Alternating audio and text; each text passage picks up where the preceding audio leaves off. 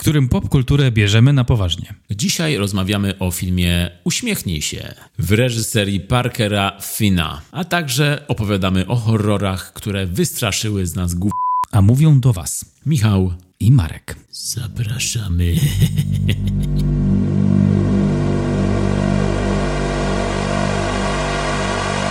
Witamy Was w specjalnym halloweenowym odcinku naszego podcastu. Odcinku specjalnym pod wieloma względami, ale przede wszystkim dlatego, że, no, co tu dużo mówić, Marek wreszcie obejrzał jakiś horror. Edit, e, horror jakiś e, z tobą, z tobą. That's, that's, that's news. Marek dał się namówić na horror, na odcinek horrorowy, do czego trzeba było go namawiać gdzieś jakieś półtora roku. Tyle zajęło mniej więcej em, wymienianie tytułów e, filmów e, grozy, aż on w końcu powiedział, no dobra. Nawet jak poszedłem, to nie byłem świadomy na co idę, więc już w ogóle tak się fajnie udało. Po prostu tyle czasu zajęło mi maskowanie tego faktu, że idziemy na horror, że w następnym odcinku będziemy nagrywać horror. Mówiłem mu, Marek, wiesz co, jest nowa część Małych Agentów, idziemy? Aż w końcu Marek przytaknął i dopiero w intro filmu spytał, ej, ale to nie są Mali Agenci. Jaki się, tak się nazywa ten film? Straszyłem cię na każdym festiwalu filmowym. I aż w końcu, po tym, po tym długim czasie, udało się nam obejrzeć razem czysty gatunkowy horror. Dobrze, że to podkreśliłeś, bo horrory jakieś widzieliśmy, ale to nie były, to nie były takie horrory, o jaki tobie chodziło.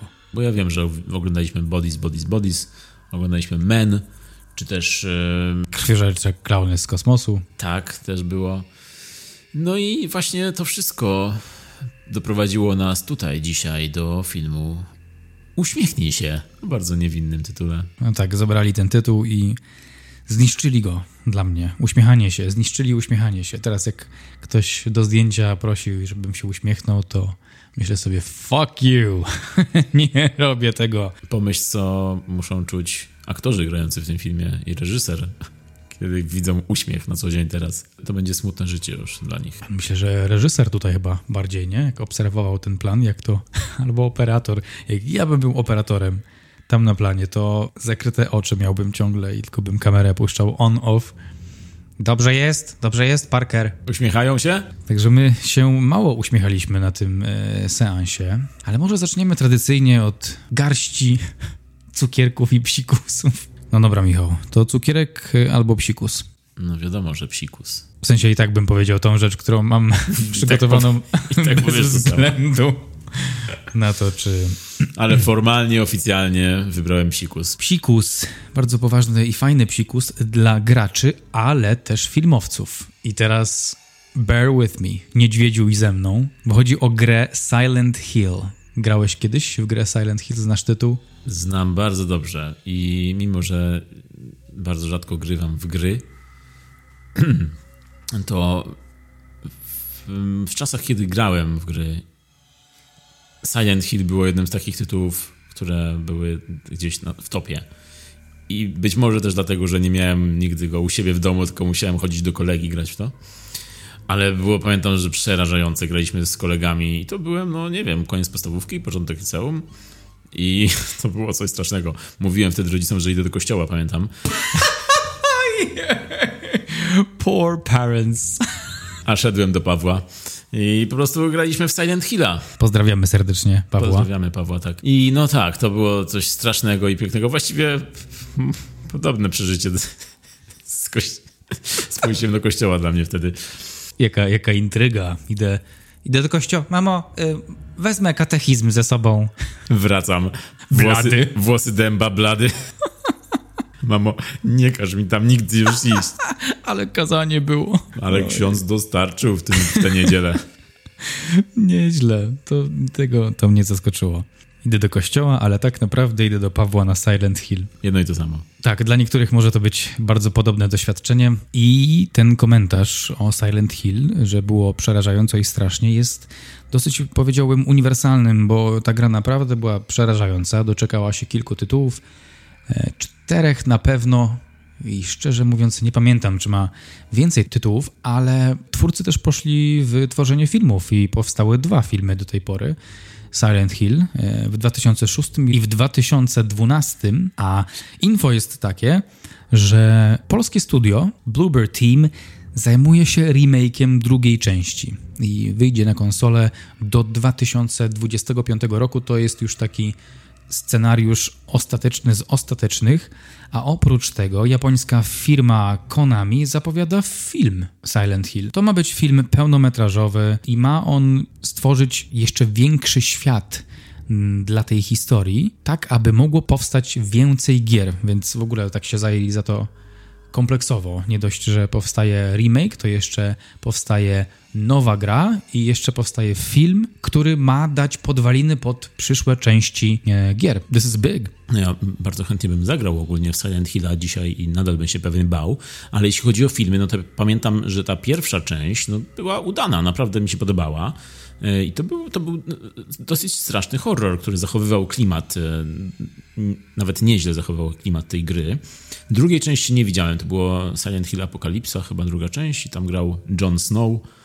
I pamiętam, że chciałem to zobaczyć, ale jakoś nigdy się nie zbiegły nasze drogi, ale, ale też bym chętnie zobaczył, bo lubię właśnie ten klimat tych gier i te, tego sennego miasteczka i, i pamiętam, że bardzo mocno na mnie oddziałało to. A to miasteczko w ogóle, jeśli chodzi o filmy, ma też element rzeczywisty, bo istnieje w Pensylwanii miasteczko o nazwie Centralia i ludzie tam masowo opuszczali to miasto ze względu na pożary, które wybuchały w kopalni węgla u podnóży e, miasteczka. I e, tak sobie wyobrażam, że tak jak patrzyłem na zdjęcia, to e, ta droga, ten asfalt jest taki popękany, to miasto takie wymarłe i bardzo przypomina klimat Silent Hill. Jeszcze jak pomyślimy, że tam pożary te były, to pewnie coś tam się unosiło do góry, jakiś popiół i być może też tak upadał jak w tych grach Silent Hill. So that's, that's my story. To był dobry psikus.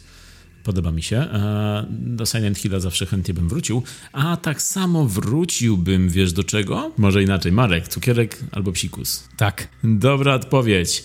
E, w newsach horrorowych jest też inny klasyk horroru, tym razem dużo, dużo starszy i już nie growy, chociaż swoje growe wersje też miał ten świat i ta seria. Chodzi o Noc Żywych Trupów. Oryginalny film Noc Żywych Trupów George'a Romero z 68 roku będzie miał kolejną część. E, właściwie no, producenci, twórcy wracają do tej serii i trwają prace nad sequelem horroru Noc Żywych Trupów. Nice! No ciekawe, co z tego będzie. Wiadomo, że zombie i w ogóle seria Żywe Trupy, no to jest multum już filmów i nie wszystkie są dobre, jak, jak też wszyscy powszechnie wiedzą, ale to tutaj być może będzie to jakiś e, restart tej serii. Autorką scenariusza jest jedna ze scenarzystek serialu Walking Dead, e, a reżyserką jest, e, bo tutaj kobieta będzie reżyserować, Nikiatu Yusu. Świeża reżyserka, miała za sobą tylko debiut, nagrodzony w festiwalu Sundance, film pod tytułem Nanny też horror. No i rodzina George'a Romero zmarłego już będzie trzymała nad tym projektem pieczę, więc e, być może powstanie z tego coś dobrego. No i to jest jedna seria, która będzie restartowana, a jeszcze mam newsa o innej serii. Pozwolisz? So weird, unexpected. ale, ale, ale ciekawe pytanie. To w ogóle się tego tego takiego kunsztu rzemiosła dziennikarskiego się nie spodziewałem. Czekałem, aż zauważysz te moje starania żebyśmy przywrócili tutaj e, język taki akademicki do tego mm. podcastu.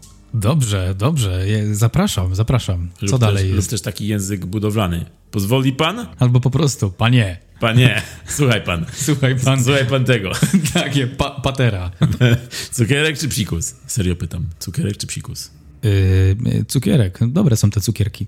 Dobrze, no to tym razem będzie psikus, bo mówimy o serii Piła. Ile wypiła? Na...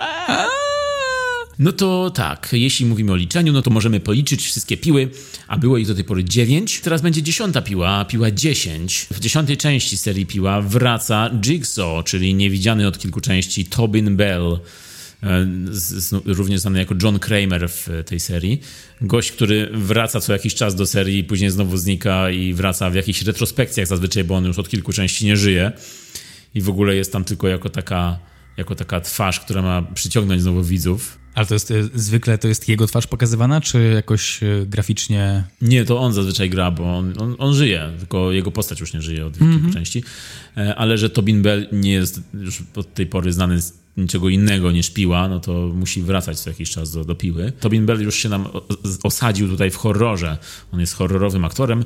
No i ja e, fajnie, cieszę się, że będzie Dziesiąta Piła. To jest cykl, na który zawsze można liczyć pod pewnymi względami, bo wiadomo, że te filmy są od pewnego czasu już dosyć słabe ale mimo to, że poprzednia część była słaba albo jeszcze gorsza, to ja zawsze chętnie oglądam tą nową część myślę sobie, a zobaczmy co tym razem, po czym zazwyczaj kończy się to źle ale zawsze jakaś kreatywność w wymyślaniu kolejnych morderczych pułapek i zabawek tam jest. Ale to się kończy źle, ponieważ jest to powtarzalne, czy tak? Tak, tak powtarzalne i też często takie już na siłę. E, do, do, dopisywanie kolejnej części do serii o mordercy, który próbuje nawrócić swoje ofiary na, na dobrą ścieżkę. Z tym, że no ile można nawracać już w dziesięciu częściach różne nieznane osoby. Dlatego twórcy próbują różne rzeczy tutaj robić, żeby urozmaicać tę serię. Ostatnio była na przykład Spirala, czyli wersja Chrisa Rocka filmu Piła, którą on napisał i też zagrał w niej. Mm, no, no, różne rzeczy tutaj twórcy robią, żeby napędzić z powrotem tych fanów, którzy troszkę już e, no, nadal przychodzą na te filmy, ale jednak już nie jest to samo co na początku, bo to był jednak wielki hit kinowy. No ja pamiętam, że, że Jigsaw to miał taką szlachetną misję, żeby przypomnieć ludziom, że to życie jest cenne i wartościowe i they should not fuck up. I tak myślę sobie, wiesz coś może, czy ktoś inny zajmuje się scenariuszem dla do dziesiątej części, czy coś będzie nowego, jakieś nowe twarze, jakieś coś może interesującego, zagadkowego tam się pojawi? No oprócz Tobina Bella wraca też jeden z twórców poprzednich części. Za kamerą filmu Piła 10 stanie Kevin Groitert, reżyser Piły 6, Piły 3D i montażysta kilku części e, tej serii. Mm, człowiek, który jest związany już z tą serią od lat. No i jak rokujesz? Dobre nazwisko? Nie. Montażystą jest dobrym, bo rzeczywiście pierwszą część na przykład montował też i już wiele kolejnych, ale no jeśli chodzi o reżyserię, no to on ma raczej takie średniaki, e, raczej kiepskie lub średniaki są w jego filmografii. Jest to taki wyrobnik bardziej hollywoodzki, myślę, horrorowo-hollywoodzki wyrobnik, który, któremu są dawane różne horrory, takie często niższej półki, ale że ja lubię horrory i lubię też horrory niższej półki, no to też chętnie obejrzę to, co zrobi w Nowej Pile. Po prostu piła 28 i okej, okay, zobaczmy co tym razem, mimo że mi się nie nie spodoba na koniec, to i tak obejrzę pewnie. No ale no co, no, no, taki, jest, taki jest urok po prostu serii. Tak samo jest e, z różnymi innymi horrorowymi seriami, które na początku były dobre, później już jadą na oparach, ale po prostu się do nich wraca, bo, bo ma się nadzieję, że być może coś tam jeszcze będzie. Na przykład Resident Evil. Na przykład. Marek, uśmiechnij się. Nie, w ogóle zacznijmy jak cywilizowani ludzie i zacznijmy od reżyserów, od twórców i przejdźmy w sposób spokojny przez resztę kontentu, a ja później się będę uspokajał e, pod zimnym prysznicem na siedząco. Nie, nie, wychodzi tobie ten uśmiech, bo teraz Michał próbuje zrobić ten uśmiech z filmu, ale wygląda jakby miał początek wylewu, więc... E, na pewno jest to wyjątkowa okazja, że można Marka nastraszyć, bo on bardzo nie lubi się bać, nie lubi oglądać horrorów, i jeśli jakiś horror na niego działa, no to po prostu muszę to wykorzystać i muszę to pociągnąć do, do, na maksa, po prostu wykorzystać to cały potencjał, który drzemie w tym pomyśle. A tutaj chodzi o uśmiech, więc po prostu. Więc po prostu y, życie codzienne. Nawet nic nie musisz robić. Wystarczy, że się zaśmiejesz z jakiegoś żartu i już. I już Marek wraca myślami do tego seansu. Czy wiedziałeś, że film Smile, uśmiechnij się, ma swój rodowód w filmie krótkometrażowym, bo e, Parker Finn, reżyser e, tego filmu, e, zrobił najpierw w 2020 roku film Laura Hasn't Slept, czyli Laura nie spała. I ten film krótkometrażowy, chyba 11-minutowy, opowiada o historii Laury, która jest też bohaterką filmu Smile. Ona się pojawia na początku, ona jest pacjentką tej pani doktor psychiatry. I ta Laura w filmie krótkometrażowym jest pokazana jakby jej, e, jej sesja u innego psychiatry, która opowiada, ona opowiada o tym, że nie może spać, bo ma koszmary, męczą ją koszmary i właśnie to jest rozwinięcie tego, albo może prequel bardziej tego, co się dzieje w filmie. I ten krótkometrażowy film był dobrze przyjęty i od razu został uruchomiony proces zmienienia go w film pełnometrażowy. To był film krótkometrażowy wyświetlany na festiwalach I teraz nie można go niestety nigdzie obejrzeć w sieci, no bo pewnie wszyscy chcą teraz go obejrzeć, więc sam reżyser wypowiadał się, że to będzie jako dodatek na Blu-rayu z filmem Uśmiechnij się. Czyli od razu pokazał potencjał.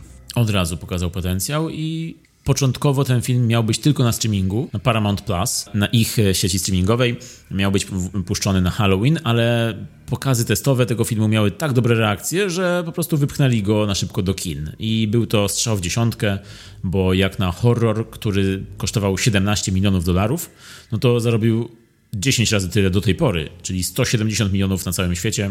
Jest to super wynik i tym bardziej, że jeszcze jest w kinach, a jeszcze przed nami Halloween czyli ma jeszcze szansę naprawdę zrobić dużo pieniędzy.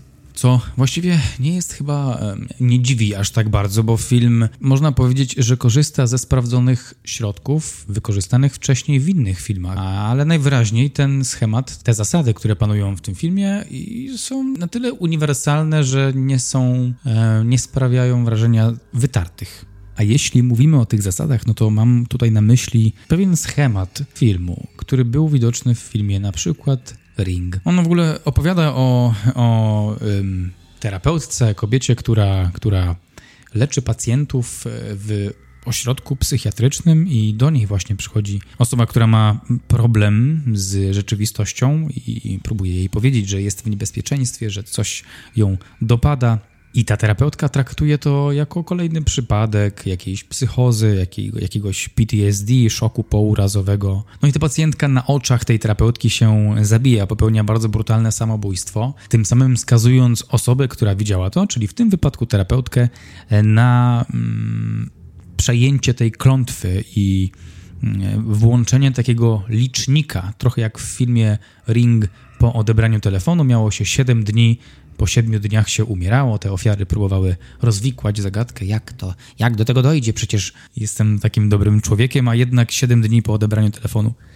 No i tutaj mamy, mamy podobną sytuację, więc to, to, jest ta zasada, to jest ten schemat, o którym mówiłem, który był widoczny wcześniej, ale tutaj no, wleciał idealnie w, w, w ten scenariusz. Ten motyw z ringu co jakiś czas wraca do, do kina, do horroru, e, a Halloween jest idealnym czasem dla, dla właśnie takich filmów, bo jednak co roku na Halloween mamy wysyp horrorów, które część sobie radzi lepiej, część gorzej, mówiąc o wyniku kasowym. Mm, no, w tym roku uśmiechnij się rozbiło bank i wydaje mi się też to było dlatego, że potrzebowaliśmy, widzowie ogólnie potrzebowali, potrzebowali takiego nowego ringu właśnie dla nowego pokolenia i to jest, to jest taki nowy ring. Było kilka prób e, już wcześniej, w zeszłych latach, na przykład był taki film Countdown, było Prawda czy, Prawda czy Wyzwanie, były filmy, które miały podobne motywy, ale one były dosyć kiepskiej jakości. Mm, a ten film jednak e, jest lepszej jakości, po pierwsze, no i po drugie też ma, no, widzom się podoba bardzo ze względu na to, że jednak straszy. Straszy, na, tak na porządnie straszy. I te, ta klątwa właśnie, o której mówiłeś w kontekście The Ring, no tutaj e, klątwa polega na tym, że ktoś widzi, e, że ktoś inny popełnił samobójstwo i w ten sposób łapie tą klątwę, łapie tą traumę, e, i, która po jakimś czasie, tutaj nie jest sprecyzowane ile dni to trwa, ale kilka dni, po kilku dniach ta osoba również mm, popełnia samobójstwo na, na oczach kogoś innego i ktoś, kto to widzi, po prostu przy, przekazuje to dalej. Ale jeszcze ważny element tego filmu, który mamy też w tytule, to osoba, która popełnia samobójstwo, ona w ostatniej chwili uśmiecha się. Jest to uśmiech bardzo mm, niepokojący, bardzo straszny, dziwaczny i osoba, która łapie tą klątwę i która przez kolejne dni żyje jakby normalnie z tym, no to ona widzi, widuje osoby na co dzień, które też uśmiechają się do niej bardzo niepokojąco. I są to osoby bliskie i osoby nieznane, różne osoby. W każdym momencie może się trafić ktoś, kto nagle się do niej uśmiecha, zaczyna się odzywać, zaczyna mówić dziwne rzeczy i te sceny są, są niepokojące, ale też co ważne, na przykład dla takiego horroru, one nie są tak bardzo eksponowane, te wszystkie uśmiechy w tym filmie. To nie jest tak, że co chwilę widzimy, że ktoś się do niej uśmiecha i co chwilę widzimy właśnie te, E, nie atakują nas tym tak bardzo, jak na przykład ja się spodziewałem, że będzie w, ty, w takim filmie. Aha, jak, jak ty się spodziewałeś, no bo tak, e, czy my oglądaliśmy ten sam film? Jakby pomijam, że ja mm, też sporo filmu nie oglądałem, żeby nie, nie zapamiętać zbyt wiele z tych wizualnych, przerażających obrazów. Możemy tutaj powiedzieć, że Marek oglądał ten film tak jak ja oglądam zwiastuny filmowe przed filmem. Czyli patrząc w podłogę, albo w ścianę, albo w sufit. Telefon, podłoga, tak, tak. Więc ja tam widziałem sporo takich zabiegów i zabieżków małych, drobnych, które miały na bieżąco właśnie przypominać, że, że, że shit is about to go down, ale dla ciebie to było coś innego chyba. Not enough. Chciałeś więcej. Nie, nie, nie. Właśnie możesz... Aha, czyli to po prostu było subtelne i to jest dla ciebie ok.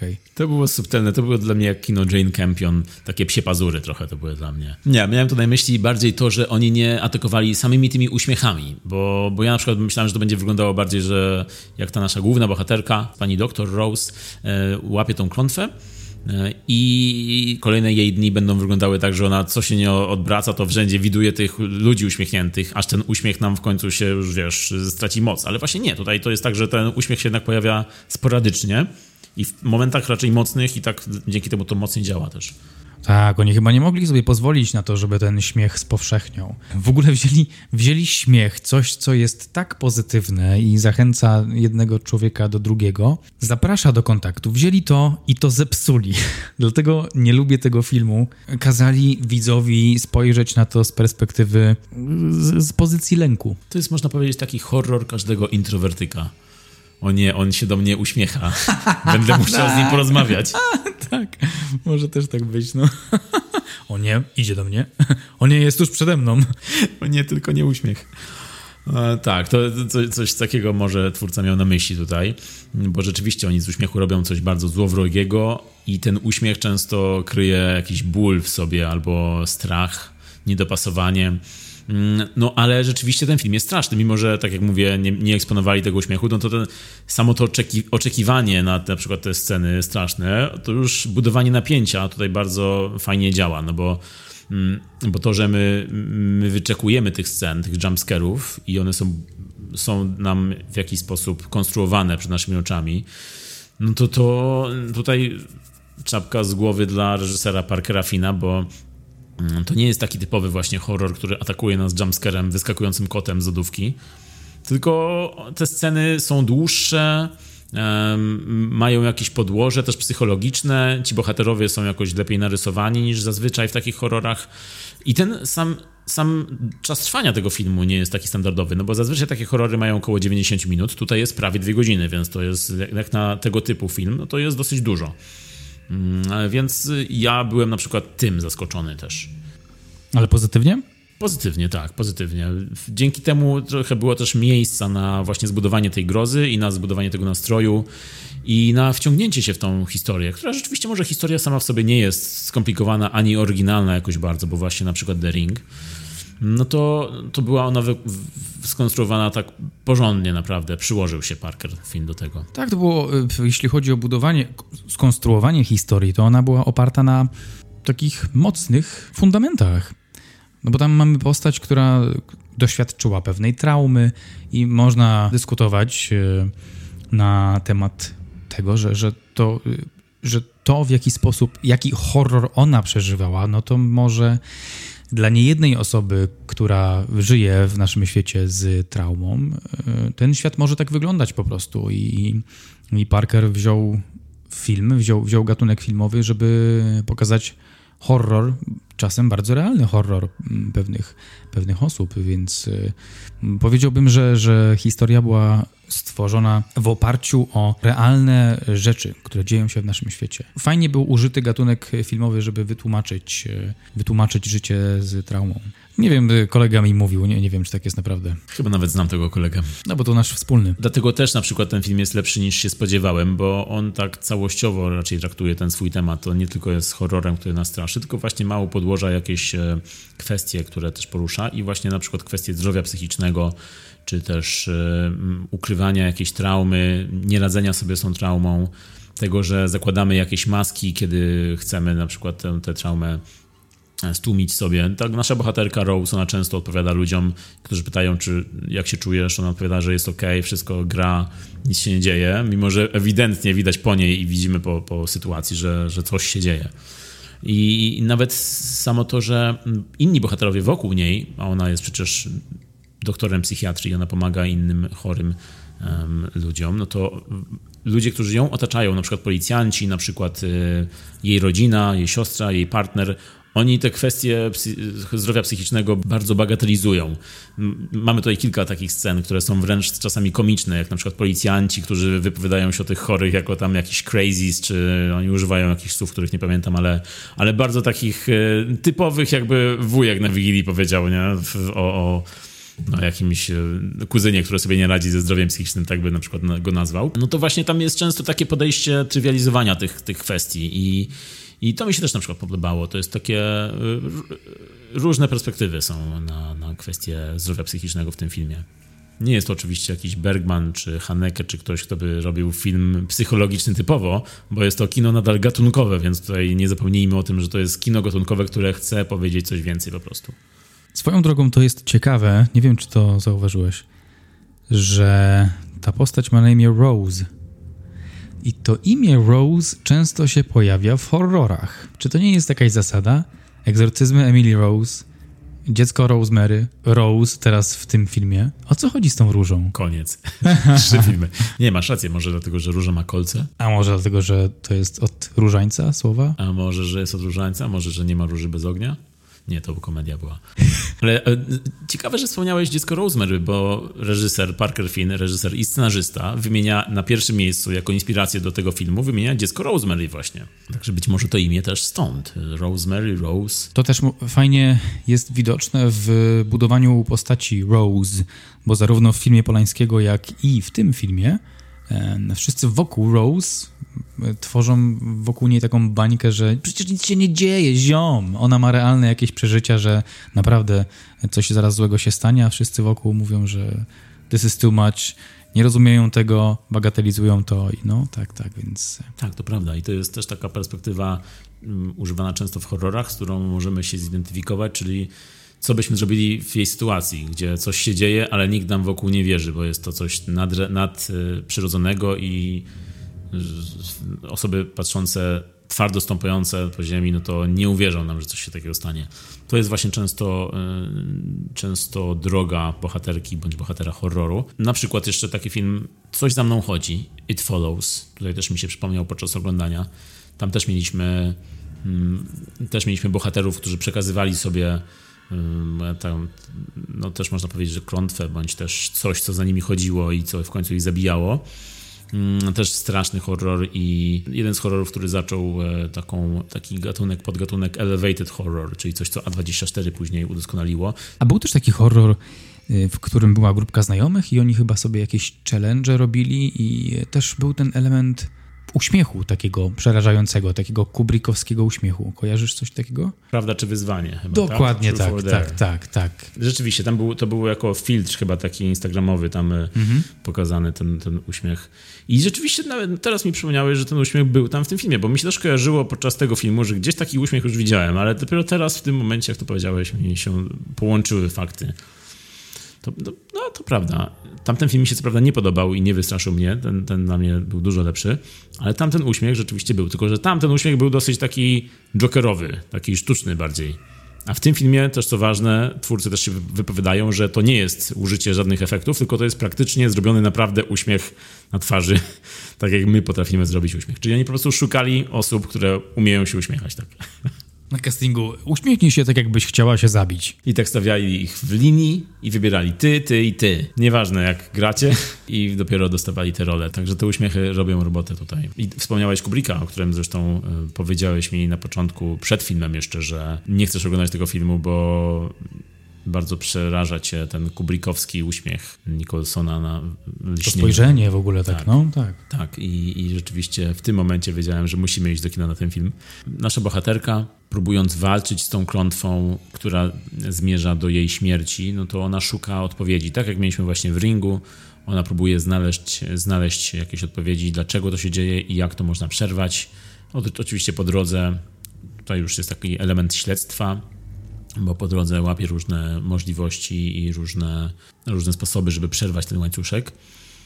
Aż w końcu mamy tutaj finał, a finał jest mocny bardzo i tak gatunkowo mocny, bo tam już jest, przychodzi moment konfrontacji z własną traumą. do czego też ten film zmierzał i co było widoczne już od początku, bo mamy nawet w scenie otwierającej już e, pokazaną traumę głównej bohaterki, która wiemy, że w końcu wróci w tym filmie.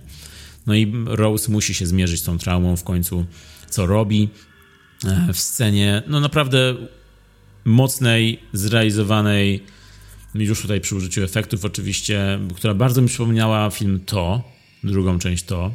Tam była też taka mocna scena z podobną maszkarą. I no, mnie się podobał, mnie się podobał ten finał. Podobał mi się dlatego, że to było już takie dostarczenie tego, na co przyszliśmy, czyli po, tych, po tej półtorej godziny czekania, budowaniu tych, tych scen grozy, no to w finale mamy już tak, tak dosłownie pokazanego potworka, który jest ładnie naprawdę zrobiony. Tak y, można się czepiać wielu potworów horrorowych, że są przy użyciu CGI zrobione tak, że, że nie boisz się, bo są, bo są sztuczne. Tutaj nie mamy tego potwora eksponowanego w żaden sposób. Jest dosyć szybko pokazany, krótko i w scenie takiej jak bardzo odrażającej momentami. A także to, mi, to, to też dla mnie na plus było, ten finał. A dla ciebie, Marek? Dla mnie też był na plus. Ja bardzo mi się podobały te światełka na schodach e, kinowych. I to, co akurat sprawdzałem na Instagramie, było bardzo zabawne. Ładna wykładzina była na, na podłodzeniu? Nie, wykładziny za bardzo nie widziałem, ale światełka. Światełka mm. były tak, mm -hmm. takie niebieskie, ładne, ładne. Mm -hmm. Okej. Okay. Ale to, że nie patrzyłeś w ekran, no oczywiście to jest e, to na plus filmu, bo to świadczy o sile filmu, ale za to na pewno słyszałeś dźwięki, odgłosy i muzykę. No coś tam słyszałem, jakieś takie growling, takie jakieś takie dźwięki. to, to, no, był mój brzuch, to, był... to był mój brzuch. Nie, to chyba było zjadanie kogoś, tak to brzmiało, jakby ktoś komuś czaszkę łamał zębami. Po pierwsze, nie mogę powiedzieć, bo spoilery, a po drugie, no to cokolwiek ci teraz powiem, no to musisz to uwierzyć, bo nie widziałeś tego na własne oczy. Mogę ci powiedzieć, że to było na przykład chrupanie horroru. chrupanie popcornu. Nie patrzyłem centralnie w oczy postaci. Potem było dużo, zwłaszcza w końcowym akcie, było dużo zbliżeń, było bardzo głośno i było dużo um, zbliżeń na te przerażające postaci, na te wyrazy twarzy, na te oczy. Na, no, I to, to było przerażające jakby nie wyobrażam sobie takiego konfrontowania się z traumą. Gdzieś tam rozumiem w gabinecie terapeutycznym, ale żeby terapeuta mój miał wstać i zacząć mnie jeść. Nie piszesz się na taką terapię? Nie, ale jak, jak znajdę, to tobie polecę, to, bo wiem, że ty byś, ty byś pewnie siedział tam i o ja, ale to mnie przeraża, ale fajnie. Jeszcze, dajcie mi tego więcej. tak. Jadłbym to łyżkami. No tak, tak. Jestem fanem horroru, nie ukrywam, przyznaję. Ale do, do, czego zmierzałem, to jest to, że oprócz tego, że ten obraz był niepokojący, no to dźwięk w tym filmie, dźwięk, efekty dźwiękowe, muzyka robiły też bardzo duże wrażenie, więc no i tak. nawet nie oglądając tego filmu myślę, że byłeś wystraszony mocno. O wiele mniej, ale, ale tak, ale słyszałem, e, słyszałem dużo. Dźwięk był rewela- w ogóle otwarcie tego filmu było rewelacyjne. I wszystko tam zagrało, i obraz, i, i nawet głupie napisy na ekranie ten tytuł Smile, taki neonowy, taki bardzo głośny i taki repetytywny i z taką repetą. No świetna ta wejściówka była. Moment, w którym pojawiają się napisy, w jaki sposób się pojawiają napisy na tym ekranie, y, wydarzenie, które otwiera cały film. To obejrzałem całe i mogłem już wtedy stwierdzić, że to będzie naprawdę świetny film, świetnie zrealizowany. No ale no co, to, co, co mam powiedzieć? No, jeśli horror jest świetnie zrealizowany, to wciąż jest to horror i w moim postrzeganiu horrory no nie są to filmy pierwszego wyboru.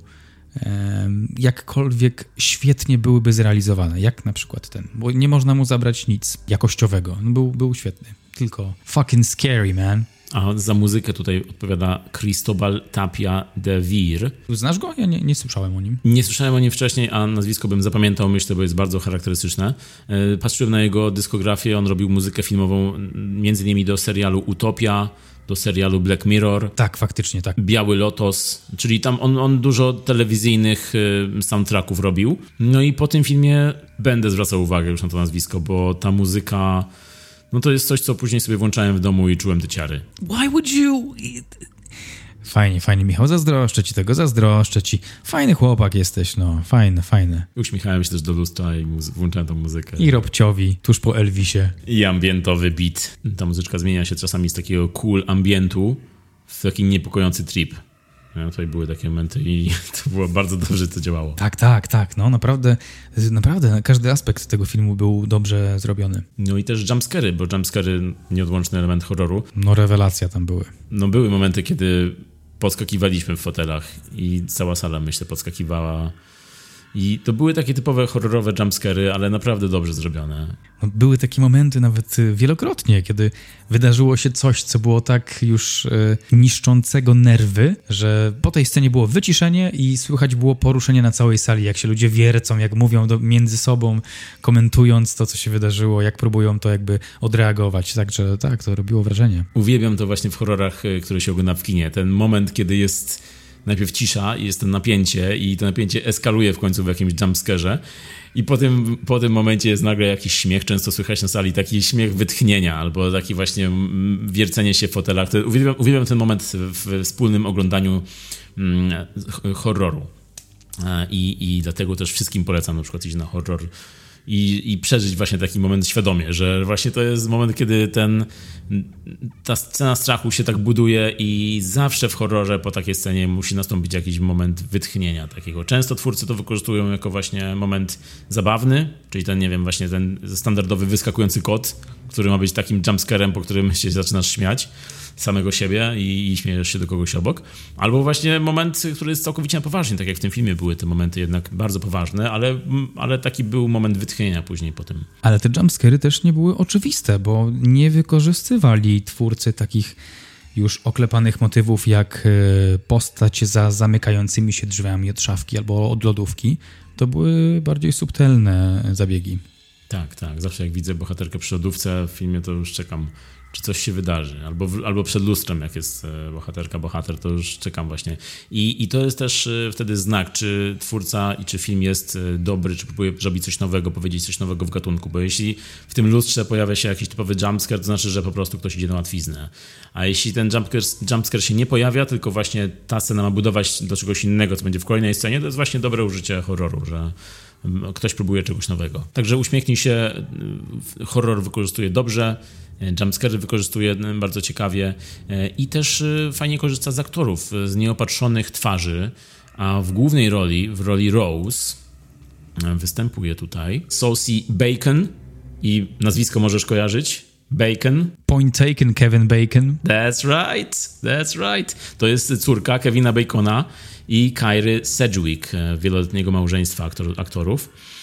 Czego ja w ogóle oglądając film nie miałem pojęcia o tym. Nie miałem o tym pojęcia. Nawet patrząc na nią, nie, nie widziałem tego podobieństwa. I nadal tak, nadal tak patrzę i bardziej widzę ją, Kyrę Sedgwick, niż Kevina Bacona. Ale jest to młoda aktorka, która y, jest właśnie, jest nieopatrzona jeszcze i na pewno zrobi karierę. Nie tylko ze względu na nazwisko, ale ona wystąpiła na przykład w serialu Mare z Easttown serialu HBO z Kate Winslet, bardzo dobrym serialu. Dopiero po obejrzeniu Uśmiechnij się sobie przypomniałem sobie, że to ona. Ona wystąpiła też między, między innymi w 13 powodów i Smile jest to jej taka pierwsza duża rola kinowa i na pewno nie ostatnia, bo poradziła sobie bardzo dobrze. Ja w ogóle oglądając zwiastun filmu Uśmiechnij się, byłem przekonany przez połowę tego zwiastuna, że to jest Hilary Swank w głównej roli, bo jakoś tak mi się, nie wiem, podobna zrobiła, ale później w filmie mówię, nie, nie, nie, jak ja to widziałem, jak, gdzie ja to widziałem, nie wiem. Sam sobie odpowiadam. To jest ten podcast, magia podcastu. Ale co jest jeszcze, jeszcze ważne role. Rolę partnera Rose gra Jesse T. Usher. To jest yy, z yy, Boys aktor. On grał tam A-Train. Tak, fajnie było go zobaczyć w takiej innej roli, bo tak mi się już kojarzy z A-Trainem teraz, że już czekałem aż założy okulary i nagle odbiegnie albo założy ten kostium. tak. W momencie jak mu opowiadała o tym, że widzi jakieś rzeczy, to on hell no! Dosłownie czekałem na to, już tak go kojarzę z tym serialem. Także fajnie było go zobaczyć w takiej innej roli. No i też y, jest tutaj aktor, którego obserwuję od y, pewnego filmu. Aktor nazywa się Kyle Gallner. Jest to też młody aktor, chociaż 36 lat, no to może nie aż taki młody. Wygląda dużo młodziej niż, niż y, ma naprawdę. I bardzo lubię tego aktora od filmu Kolacja po amerykańsku, Dinner in America. Film, który widziałem na festiwalu Splat. Film świetny, polecam wszystkim, jeśli macie okazję go obejrzeć gdzieś na streamingu to nie wahajcie się, bo, bo to jest świetne połączenie takiej komedii filmu muzycznego z dramatem, takim indie trochę. no, no coś wyjątkowego. Na HBO Max jest do obejrzenia, także włączajcie, oglądajcie. Film czadowy. No i Kyle Gallner ostatnio wystąpił też w nowej części serii Krzyk, tutaj w małej roli, ale tutaj już w Uśmiechnij się gra jedną z głównych ról, rolę policjanta i też bardzo się cieszę, że, że on idzie do takiego mainstreamu, bo bardzo go lubię. Widziałeś tam jakieś znajome twarze? Tego więźnia, którego odwiedza Rose. Czapki z głów dla Roba Morgana, który pojawił się ostatnio chociażby w Stranger Things, pojawił się też w filmie festiwalowym, który oglądaliśmy rok temu we Wrocławiu. Tytuł to był chyba Bull, czyli byk. A pamiętasz podczas filmu, że zwróciliśmy uwagę na aktora, który grał e, szefa tej kliniki psychiatrycznej? Kumara? How cool was that? Fajnie, że się pojawił w tym filmie. Zobaczyć Kumara jako szefa, wiesz, jako doktora psychiatrii w tym, w tym kitlu. Co, co robi Kumar, tak jak teraz są te artykuły często. Co robi ta osoba po tylu latach? Zobacz zdjęcia. Co robi Kumar po 25 latach? Zobacz zdjęcia, jak pracuje jako doktor na, na w szpitalu psychiatrycznym. A, także Calpen też tutaj występuje. A widziałeś kampanię marketingową tego filmu? Bardzo mi się podoba to, jak, jak e, osoby, aktorzy um, w koszulkach z napisem Smile uśmiechają się bardzo z tym swoim creepy uśmiechem podczas transmisji sportowych, podczas jakichś te audycji telewizyjnych w tle stoją w publiczności i tak po prostu uśmiechają się w kamerę, kiedy reporter z przodu mówi do mikrofonu. To, no super, super pomysł i wrzucimy to na pewno na naszego Facebooka, Instagrama, żebyście zobaczyli, jeśli nie widzieliście, jak to wyglądało, bo wyglądało to bardzo ciekawie. I gdybym oglądał taki mecz i w tle bym widział taką osobę, no to ja bym przyłączył chyba nie zniósłbym tego tak w prawdziwym życiu raczej. No, to to kampania marketingowa też czapki z głów. Swoją drogą w ogóle Stephen King dał temu filmowi swoją pieczęć jakości. Na Twitterze swoim polecał, polecał film, żeby zobaczyć w kinie co też dużo mówi. I Stephena Kinga trochę to przypomina historię chociażby z książki Outsider, w której, w której to główna postać, ja nie pamiętam dokładnej nazwy, to była jakaś, to była jakieś, jakaś hiszpańska baba Jaga, ta postać żywiła się cierpieniem innych ludzi i zawsze obserwowała innych ludzi przeżywających traumę lub jakieś e, ciężkie cierpienie. W ten sposób się żywiła i w ten sposób e, żyła dalej, co też jest ciekawym motywem i bardzo podobnym do tego tutaj. Także o Stevenie, o Stefanie Królu też myślałem. No to może przechodząc do naszych ocen filmu Uśmiechnij się. E, no ja jako fan horroru byłem zadowolony, chcę więcej, a sequel na pewno powstanie, to już widać, jeśli film taki odniósł ogromny sukces, no to jest to horror, na pewno będzie Smile 2 niedługo w kinach i ja tam będę też e, siedział i oglądał. Ode mnie mocna siódemka, 7 na 10 e, i wszystkim fanom horrorów polecam, bo jest to mainstreamowy, dobry mainstreamowy horror, o co też jest ciężko często. Także polecam wycieczkę do kina na Uśmiechnij się. Marek? 7 na 10, Marek Szczepański. Tyle daję temu filmowi, bo uważam, że był bardzo dobrze zrealizowany obraz, dźwięk, aktorstwo, wszystko na bardzo świadomym poziomie, mm, dostarczone w bardzo spójny sposób, tak żebyś miał się bardzo wystraszyć i żebyś o tym myślał potem dwa tygodnie i analizował każdy uśmiech obcej tobie osoby. Ale nie zatrzymujemy się z straszeniem siebie i was, bo przechodzimy do czegoś czegoś tak na poprawę humoru, do czegoś, co straszyło nas na przestrzeni wielu, wielu lat do tej pory. Wybraliśmy filmy, które wywarły na nas największe wrażenie od czasów dzieciństwa, właściwie do teraz. Mamy listę kilku pozycji, o których chcielibyśmy Wam powiedzieć przy okazji Halloween. Tak, zawsze jest na to dobry moment, e, a że jest właśnie Halloween, no być może słuchacie tego już po Halloween, po prostu jest na to dobry moment. Filmy i nie tylko filmy może, e, które nas wystraszyły, które mm, zrobiły właśnie na nas jakieś duże wrażenie. Pierwsze, co mnie wystraszyło na ekranie telewizora u mnie w domu, to był serial Twin Peaks. Miasteczko Twin Peaks, zwłaszcza sekwencja tytułowa, bo to tyle właściwie wytrzymałem na tym, na tym serialu. Zawsze jak się zaczynał ta muzyka, prosta sekwencja tytułowa otwierająca no to ja już zamykałem oczy, uciekałem po prostu. Także to był dla mnie taki pierwszy moment, mm, pierwszy moment, nie wiem, takiego niezrozumiałego strachu, który mm, towarzyszył temu serialowi. I pamiętam, że moi rodzice oglądali go, bo wszyscy wtedy go oglądali. Ja chciałem go zawsze obejrzeć, ale nigdy nie mogłem jakoś się przebić przez te napisy pierwsze i przez te pierwsze sceny. Taki był tam klimat, jakiś e, dziwny, senny dla mnie wtedy. A to, to kiedy do niego wróciłeś?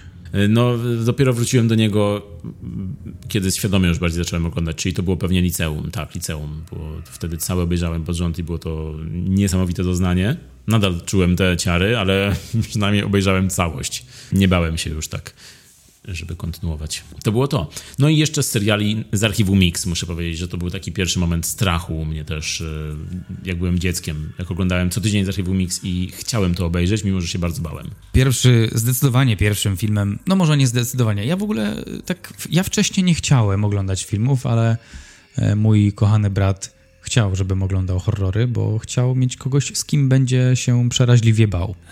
Blair Witch Project to był pierwszy film, jaki jakim mnie przedstawił found footage e, z, z uniwersalną już historią i wiele lat potem kopiowaną przez e, różnych twórców.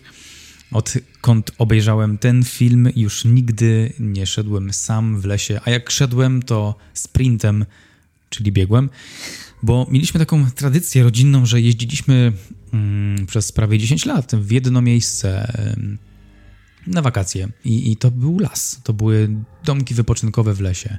I przed tym filmem e, jeszcze lubiłem ten las, ale po tym filmie tak mi namieszało to w głowie, że jak stałem czasem e, no wieczorem, tak, no tam e, były tylko latarnie przy tych domkach, ale były takie fragmenty, że gdzie nie, w ogóle światło nie świeciło. I jak patrzyłem w las, bo to było centralnie w lesie, to po prostu nie było tam ogrodzenia, tylko jeszcze obok był jakiś opuszczony ośrodek, w sensie opuszczone domki, i, a my byliśmy tym ośrodkiem wypoczynkowym, który jeszcze miał ludzi. Marek, Marek namówiłeś mnie, jedziemy tam na wakacje. I pamiętam, że patrzyłem w głąb drzew, bo myślałem, że ktoś tam stoi i do dzisiaj byłem, jestem przekonany, że stał tam jakiś człowiek o bladej twarzy w czarnym kapturze. Jak tylko to zobaczyłem, tak biegłem szybko do domu. Ja byłem wtedy dzieckiem i wbiegłem, nie wiem ile miałem, z 9-10 lat i wbiegłem do domu i wbiegłem pod kołdrę. I pamiętam, że mama się mnie pytała, co się stało, co się stało. Nie chciałem powiedzieć, byłem przerażony. Trauma. Blair Witch Project, swoją drogą, no świetny materiał i taki yy, pionierski, no nie? Z tym, w tym stylu found footage. Po pierwsze, muszę ci powiedzieć, że to jest piękne wspomnienie. Którego nigdy nie wykorzystasz. Piękne wspomnienie. Yy, jeśli jakiś twórca polski horroru to, to słucha, to proszę nakręć o ten film. Dzieciństwo Marka. Po prostu podoba mi się to, podoba mi się to swoje, twoje wspomnienie i podoba mi się ta historia z Blair Witch, bo po prostu tutaj my możemy sobie przybić piątkę. Bo miałem dokładnie tak samo z Blair Witch Project. To, to, też był jeden z, no chyba pierwszy film, który mnie tak bardzo wystraszył. Wcześniej mówiłem o serialach, ale jeśli chodzi o filmy, no to Blair Witch to było pierwsze takie doznanie. Tym bardziej, że to był 99 rok, początki internetu w Polsce i to była ta kampania wiralowa, która tak się rozeszła, która mówiła, że to, co się stało na, na tej kasecie, to jest wszystko prawda.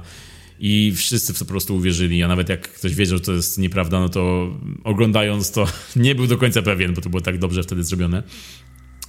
I pamiętam, jak wypożyczyłem, pamiętam ten moment, jak wypożyczyłem tą kasetę z wypożyczalni i przyniosłem ją do domu i mama była tylko w domu.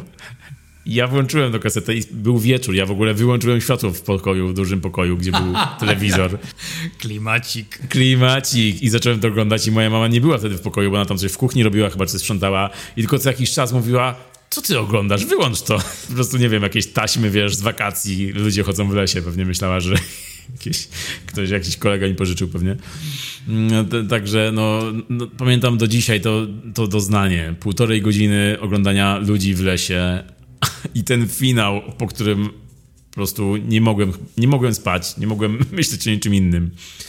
No też miałem to samo, to też dla mnie skreśliło mi las po prostu. To, kiedy dzisiaj chodzę czasami do lasu, nie wiem, na grzyby na przykład, ale, ale jak jestem w lesie i nie myślę o tym, to jest ok, ale jak jestem w lesie i sobie przypomnę nagle Blair Witch Project, oh hell no, I'm out of here. Dokładnie. Kiedy sobie tylko przypomnę, że to się działo w lesie, ja jestem w lesie, to tak, no tak, to było coś, to było coś strasznego.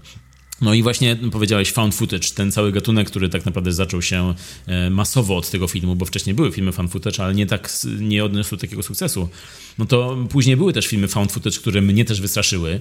E, dzisiaj to już jest tak zmasowano, dzisiaj to już jest tak masowo zużyty gatunek, że raczej nie, działa, nie działa ale były takie filmy, na przykład był film później VHS, antologia takich horrorów found footage, który mnie wystraszył, mimo że byłem już naprawdę dorosły już wtedy. E, także VHS. Dalej był film e, Sesja Dziewiąta, który kiedyś obejrzałem w telewizji, gdzieś późno w nocy leciał i przypadkiem na niego trafiłem. I też tak mnie wystraszył mocno. Naprawdę to się działo jeszcze w opuszczonym szpitalu psychiatrycznym, który ekipa remontowa remontowała po prostu i tam było, że tam było po prostu ich codzienność, czyli remontują ten szpital, w którym po prostu zaczynają się dziać dziwne rzeczy i ten sam setting tego filmu i atmosfera została na, ze mną na długo i, i też mnie bardzo wystraszył ten film. Polecam wszystkim. E, sesja dziewiąta, Brad Anderson, reżyser, od tej pory go obserwowałem zawsze. No i jeszcze film też e, Poughkeepsie Tapes, film o seryjnym mordercy, e, pokazywany z perspektywy taśm, jego taśm, nagrywanych kamerą, który film sam w sobie jest po prostu taką eksploatacją bardzo mocną tego tematu. Nie każdemu się podoba ten film, ale jest bardzo niepokojący i te obrazy, które tam są, też zostają pod powiekami na długo. To jest to found footage też dla mnie. Czy miałeś jeszcze jakiś found footage w twoim życiu? Rek chyba jest takim found footage, no nie? Też filmem, ten hiszpański. E, pamiętam, że jak wyszedł ten film, to zrobił na mnie ogromne wrażenie, ale nie powielałem tego. To był dobry film, wiem, że potem powstawały następne części, e, fragmenty widziałem tylko i już to był taki mech. Ale pierwszy rek bardzo dobry rzecz. Pierwszy tak, tak, tak, pierwszy tak, ale już te pozostałe to było takie, takie powielanie, rozwadnianie kisielu. A co powiesz na Paranormal Activity? Tego nie oglądałem i to już jak uzyskałem wiek świadomości, żeby nie oglądać rzeczy, które wiem, że potem będą mnie wybudzały w nocy, no bo jednak te, te rzeczy, które działy się w tych filmach, one pokazywały to, co się dzieje, jak śpimy, jak nie jesteśmy świadomi. E, to, to był taki. Ja do tego nawet nie wracam, ale tego rodzaju filmy, takie paradokumentalne, widziałem kilka też, e, które e, równie mocno mnie straszyły. Takim filmem na przykład był film pod tytułem Czwarty Stopień. My o nim też e, kiedyś gadaliśmy z Milą Jowowicz. E, sytuacja opowiada o miejscu e, o nazwie Nome w Alasce. To jest taka jakby dolina między górami, jest tam takie miasteczko i tam się dzieją dziwne rzeczy. I to, co jest przerażające w tym filmie, to to, to, to że Mila Jowowicz jakby przełamuje czwartą ścianę i mówi: Hej, jestem Mila Jowowicz i będę grała tą i tą postać, y, która doświadczyła tego i tego. I ten film powstaje w oparciu o realne, istniejące archiwalne materiały. Tak się wydarzyło, to się działo, i, i to, chyba ten element mnie najbardziej wystraszył, że te rzeczy, które przedstawiali w tym filmie, y, te postaci chyba były wprowadzane w jakąś, jakiś stan hipnozy i miały bardzo ciężkie przeżycia w trakcie i jakieś osoby znikały z tego miasteczka, nikt nie, nie wiedział o co chodzi. Jakieś teorie tam były, że, że obcy porywają tych ludzi, eksperymentują na nich. E, no i przerażające było to, że tam były te archiwalne materiały, w których działy się dziwne rzeczy. I ja po obejrzeniu tego filmu, który był trochę takim właśnie z kategorii Paranormal Activity, powiedziałem nie, nie, mm, mm, mm, nope, nope. Z tego co pamiętam, tam u ciebie też y, warunki przyrody oglądania tego filmu dobrze zadziałały. Tak, byliśmy na działce z kumplem. Puściliśmy sobie film na działce, no i potem przyszła noc i to był gorszy, gorsza część dnia. Tak, to mi się też wydaje, że to jest jeden z takich filmów, które jak oglądasz w odpowiednich warunkach, to ma dużą moc i, i może naprawdę oddziaływać na ciebie. Mm, tak, pamiętam, że ten film kiedyś oglądałem, ale nie pamiętam go aż tak dobrze. Pamiętam, że pamiętam mniej więcej, o co tam chodziło, ale jak tak opisujesz tę fabułę, to dużo rzeczy nie pamiętam na przykład, więc chętnie bym go odświeżył. Może co, Marek, włączamy? Użytkownik tego mikrofonu przestał rozmawiać. Okej, okay, rozumiem, że może jutro. Dobra, to zostawiając found footage i może idąc jeszcze chronologicznie, bo ja powiedziałem o swoim Blair Witch, które było dużym doznaniem, no to kolejnym y, bardzo mocnym doznaniem dla mnie był film Teksańska masakra piłą mechaniczną. Takie horrory mogę oglądać. Tak. Oczywiście mówię tu o oryginalnej pierwszej części z 74 roku, The Texas Chainsaw Massacre w reżyserii Toby Hoopera. Mm, no, no, klasyk. Klasyk kina w ogóle, ale też film, który obejrzałem dosyć wcześnie, bo byłem no może dosyć wcześnie, to jak na dzisiejsze warunki to nie jest jakoś bardzo wcześnie, bo miałem może z 14-15 lat i Oglądałem go w domu. Pamiętam, że oglądałem go w jakiejś nielegalnej kopii z płyty pewnie i włączyłem go w, nie, wiedz, nie wiedząc czego się spodziewać, bo to był tytuł, z którego się często w latach 90. żartowało. Tak ja to pamiętam. U mnie czy to w szkole, czy to nie wiem, w, w, w jakichś, nie wiem, filmach. W 13 posterunku ten tytuł był używany jako, jako taki, wiesz, jako taki żart po prostu. Teksańska masakra piłą mechaniczną. To w ogóle chyba jest taki tytuł popowy już, no nie? Taki taki, taki, który można łatwo wykorzystać jako motyw, e, śmieszny nawet. Tak, tak. Ten tytuł jest tak dosadny, tak dosłowny, że, że naprawdę możesz go czytywać jako żart.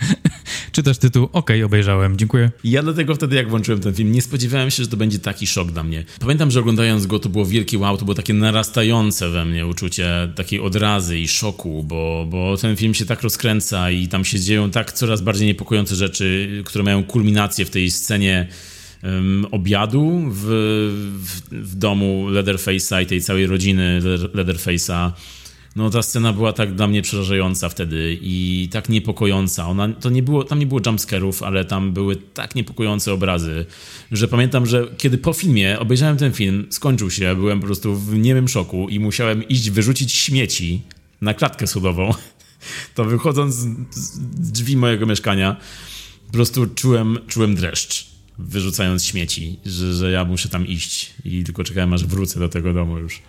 Tak, mną zaniepoko- tak, tak mnie zaniepokoił ten film. Teksańska masakra tak tobą wstrząsnęła? Tak, tak. Pamiętam, że wtedy bardzo mną wstrząsnęła. I to jest film naprawdę wstrząsający, bo do, do dzisiaj oglądałem go już wiele razy i do dzisiaj uważam, że to jest film, który pokazuje okrucieństwo ludzkie. To jest w tym najgorsze, że to jest to prawdziwe ludzkie okrucieństwo, które się może wydarzyć. To nie jest horror o duchach, to jest horror o mordercach, którzy robią tak tak okropne rzeczy, że, że przed filmem sobie nie wyobrażałem, że takie można robić. Mm, mm. A to jest jeszcze oparte na prawdziwej sylwetce Eda Gaina, mm, seryjnego mordercy, więc później jak już jeszcze o tym czytałem, to już um, creeped out. Ale to ten typ biegał z piłą mechaniczną? Nie, to było oczywiście już wymyślone i tym bardziej ta postać Leatherface'a, przez to, że miał tą maskę i nie mówił i biegał z tą piłą i był taki wielki, dziwny, to... Kurczę, to jest... Hmm, ciekawe to jest co mówisz. Jest nawet w grze Red Dead Redemption w, drugiej części. Tam jest dużo takich horrorowych motywów, takich side questów, że biegniesz sobie mm, po, po jakimś lesie albo jedziesz na koniu i zauważasz jakieś wskazówki. To jest też w ogóle siła tej gry. Że na losowym drzewie w lesie albo gdzieś pod mostem masz wbitą ludzką głowę na nóż i do noża jest przyczepiona notatka, po przeczytaniu której okazuje się, że jesteś nagle częścią zagadki, która jest y, rozsiana po całej mapie. I musisz zebrać wszystkie elementy, do których prowadzi cię autor tej notatki, żeby zebrać historię, co się stało z głową tego człowieka dekapitowaną, y, wbitą na ten konkretny słup. E, I albo eksplorujesz mapę i nagle trafiasz na dom, w którym mieszka rodzeństwo jednego otyłego bardzo gościa i takiej bardzo szczupłej siostry. E, I to, to, było, to chyba było, jestem prawie przekonany, że to było rodzeństwo mieszkające w e, domu swojej matki. Jak wejdziesz do tego domu, jako postać, jako Arthur Morgan, wchodzisz, to na froncie jest taki wielki obraz tej matki. I ten obraz od razu, od razu sprawia, że masz dreszcze. Patrzysz na ten obraz i myślisz sobie, wow, ta kobieta musiała być przerażającą postacią. I są różne rodzaje rozegrania tej, tej fabuły, tej, tego wątku. E, ja na początku poszedłem rozwinąłem tę fabułę z tymi postaciami i to jest tak, że oni cię otruwają, przywiązują i potem jakieś dziwne, horrorowe rzeczy się tam dzieją w, w tej grze. A drugie podejście wybrałem takie, że po prostu ich zabiłem na początku i skasowałem e, możliwość alternatywnego scenariusza, ale przekopałem cały ich dom, żeby zobaczyć, co oni tam tak naprawdę w tym domu trzymają. I chodzę sobie po piwnicy, jakieś tam, jakieś. No, jest ciemno, wiadomo, tam nic przerażającego nie ma, ale wchodzę na samą górę, otwieram drzwi i podskakuję z joystickiem, bo jest tam jeleń w małym pokoju na górze, który na ciebie po prostu yy, biegnie i cię, i cię forsuje. Także takie, takie dziwne, horrorowe rzeczy nawet są w, w Red Deadzie, jak, jak zauważyłem. Tak, to jest właśnie taki motyw, który później był wykorzystywany często w horrorach, w slasherach tego domu i takiej rodziny.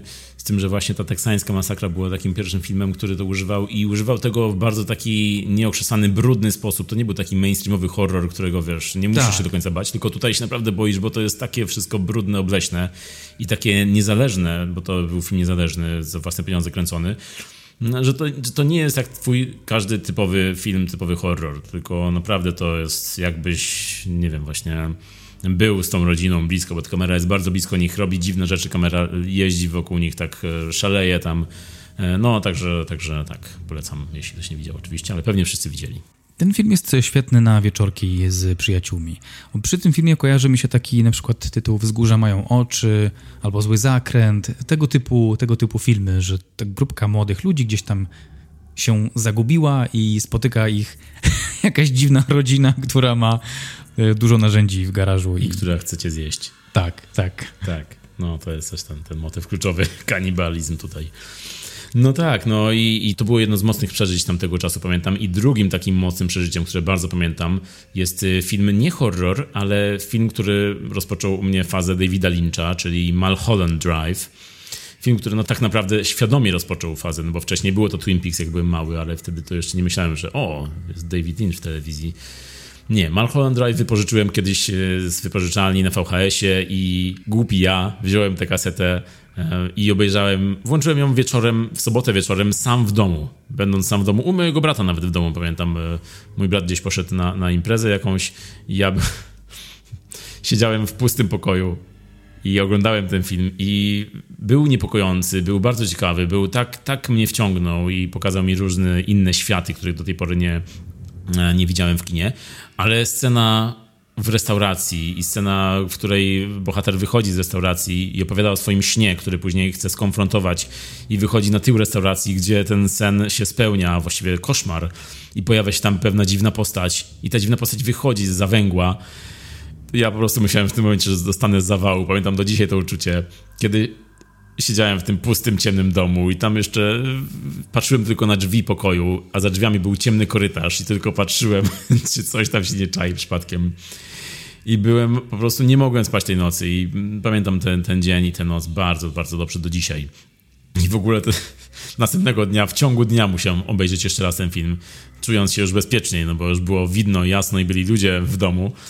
No ale musiałem się skonfrontować jeszcze, raz, to było, to, to było tak dobre. No, także Mulholland Drive, autorskie kino grozy i nie tylko grozy, bo tam jest wszystko, śmiech, grozy, emocje, no cały lincz po prostu. A później przyszły kolejne filmy. Później poszedłem następnego dnia do wypożyczalni, oddałem ten film i mówię do pani, czy ma pani jeszcze jakieś filmy Davida Lyncha? Pani nie wiedziała oczywiście, ale znalazłem zagubioną autostradę wtedy i też wziąłem i, i tak to się zaczęło. Tak się zaczęła przygoda z Lynchem. Pamiętam, jak odpaliłem ten film, kompletnie nie wiedziałem o co chodzi. Wyłączyłem od razu i wrzuciłem niebezpieczny umysł ze samym Rockwellem. I ten film męczyłem wielokrotnie. Też tak można. Ja do Lyncha, do Lyncha jeszcze muszę się przekonać. Czy ty masz jakieś takie właśnie przeżycia horrorowe też jeszcze, które pamiętasz? Czwarty stopień? Coś jeszcze tak na tobie wywarło, takie wrażenie mocne? No bro, got plenty. Tak tutaj reklamujesz mnie jako tego, co horrorów nie ogląda, a ja widziałem całkiem sporo. To jeszcze nawet y, mniej więcej w tym samym przedziale pojawił się film Ring w moim życiu. Niewiele później pojawił się, pojawił się też film Klątwa, ale odnośnie tego Ringu, mm, to w ogóle jest historia, którą chyba się dzieliłem już tutaj. To był jeden z filmów, na który poszliśmy jako klasa w gimnazjum. Pani nasza wychowawczyni powiedziała chyba sobie przed lustrem: Muszę ich przygotować na horror życia, bo życie nie jest łatwe. I nie, właściwie to my zdecydowaliśmy jako klasa, więc y, jeszcze gorzej, bo ona, tak jak, jak, tak jak ja teraz przed seansem Uśmiechnij się, nie sprawdziła po prostu, o czym jest ten film. Może uznała ring, a, jakiś bokserski, jakiś o hula hop może? To ten nowa część Rockiego jakaś? Tak. Także poszliśmy, no to był fatalny pomysł. To, to jest jedyny film w moim życiu, który zniszczył mnie na tak wiele miesięcy. I niedawno gadałem w ogóle z mamą na ten temat i ona powiedziała, że ona miała podobnie, o czym ja nie wiedziałem. Też po obejrzeniu tego filmu y, bała się przez długi czas y, tego, co tam zobaczyła. No, największym problemem było to w moim ówczesnym życiu, że mieliśmy w domu telewizor, który włączał się w nocy i śnieżył. I to był, to był duży problem. I pamiętam wyraźnie sytuacje, w których chodziłem przy ścianie, dosłownie y, wyczuwając ścianę za sobą, żeby przejść wokół pomieszczenia i pójść do kuchni, ponieważ stare telewizory kineskopowe bardzo odbijały to, co się działo było takie trochę zniekształcone szare lustro, więc było to już samo w sobie przerażające. No a te obrazy, które tam e, w tym filmie widziałem, czyli tej Samiry czy Samary, wychodzącej z ekranu i poruszającej się w taki stop-klatkowy sposób, no to już nie, no, oh hell no, wow. to już no nie, no już, już dziękuję bardzo serdecznie, pozdrawiam. Marek się wylogowuje, mm -mm, nope, nope, forget Billy, Billy's dead. No tak, no tutaj podzielam, podzielam twoje uczucia, bo rzeczywiście Ring to... Ring to chyba jest w ogóle takie zbiorowe, pokoleniowe doświadczenie, które wszystkich przeraziło w tamtym czasie. I chyba wszyscy o nim słyszeli, wszyscy go oglądali wtedy i chcieli się z tym skonfrontować. Ja tak samo miałem. A ty oglądałeś wersję amerykańską w kinie? Tak, ty, czyli tą lżejszą jeszcze. No właśnie, ja oglądałem y, najpierw wersję japońską. Nie w kinie, tylko w domu. Tutaj bardzo ci zazdroszczę, że oglądałeś to w kinie. W tym momencie Marek, zazdro. That makes it easier. Ja obejrzałem najpierw tę japońską wersję w domu, na ekranie komputera i też, też to było, to był straszny moment. To było, no, tak jak wszyscy pewnie się bałem tej dziewczynki i tego nagrania i, i to było coś jeszcze gorszego dla mnie pod tym względem, że to było japońskie. I to dlatego, że ta kultura była dla mnie tak obca, inna i tym bardziej to wszystko było niepokojące. Mm, myślę, że ta amerykańska wersja mogła tutaj być bardziej właśnie taka przystępna. A że ten ring, ringu w oryginale japoński mm, był jeszcze do tego taki dziwaczny właśnie, taki miał dziwaczne momenty, których nie mogłem odczytać e, no to to wszystko oddziaływało jeszcze mocniej. I Ring też jest na mojej liście, y, y, łącznie z filmem Klątwa You On. Klątwa też masz na myśli film Klątwa You On. Tak, tak, tam, tam z kolei był ten taki przerażający dźwięk gardłowy, taki klikanie takie. Tak, jak tylko ty mówisz, to już mi, już, już mi się robi niedobrze. I pamiętam, że to był e, najgorszy film chyba dla mojej siostry, ona to bardzo przeżywała. I, I, pamiętam, że jestem winny wykorzystywaniu tego przeciwko niej nawet miejscami. My man. Yeah, unfortunately. Ale to ją bardzo, bardzo, bardzo przerażało. Ten dźwięk był straszny dla niej. No i tam też takie stop-klatkowe poruszanie się.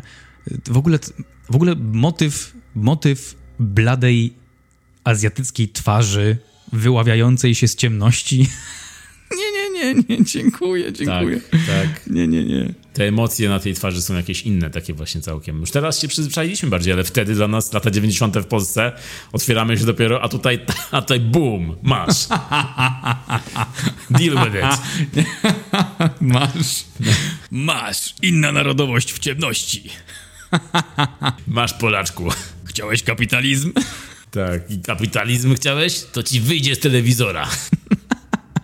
No, także tak. I klątwa on właśnie tak jak mówisz o tym swoją drogą, czy to nie jest karma, że wtedy straszyłeś swoją siostrę tym, a teraz ja ciebie straszę innymi horrorami? To jest karma. No ale tak, Klątwa Iwon, pamiętam tę scenę taką wydłużoną właśnie, schodzenia po schodach, takiego zsuwania się po schodach tej postaci bladej, dziwnej i ten dźwięk. Tego, nie, nie, nie, okej. Okay. To było straszne, to było bardzo straszne. Także Ring i One na naszej liście, tutaj się zgadzamy w, w naszym strachu. No ale może teraz e, trochę bardziej mainstreamowo po tym japońskim e, strachu, to taki mainstreamowy amerykański strach, e, bo mam na mojej liście, może nie jest to taki typowy wybór w tej kategorii, ale Szósty Zmysł M. Night Shyamalana film z Bruce'em Willisem i Haley'em Joelem Osmentem. Film, który obejrzałem w kinie.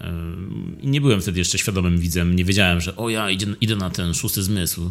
Tylko bardziej myślałem sobie, o pójdę na ten film z Bruce'em Willisem, tym gościem z na wariackich papierach albo ze szklanej pułapki.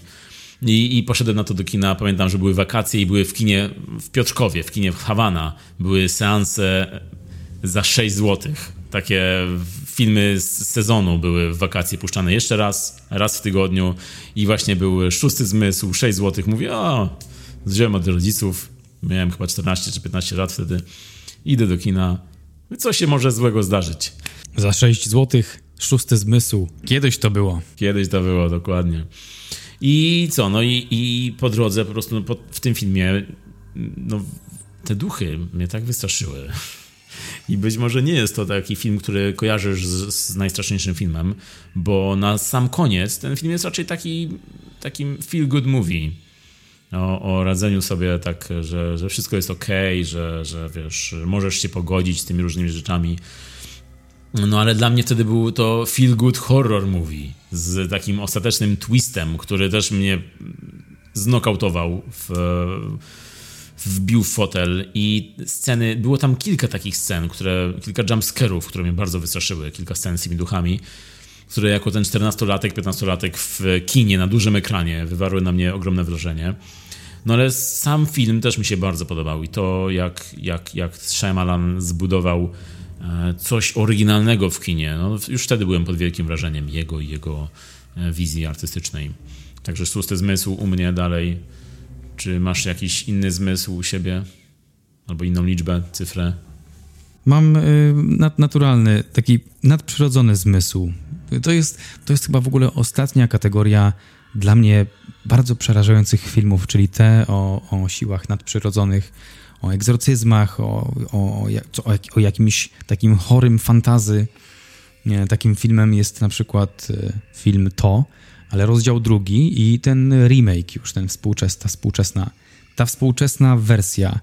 Dlatego mówię, że jest tam cyfra, bo jest to część druga, rozdział drugi. Oj, oj, to było, to, to było e, jedno z trudniejszych doświadczeń mojego e, dorosłego życia. Widziałem to w IMAXie. Głupi ja, głupi ja, ale pomyślałem sobie, hej, przecież panuję kumplowi.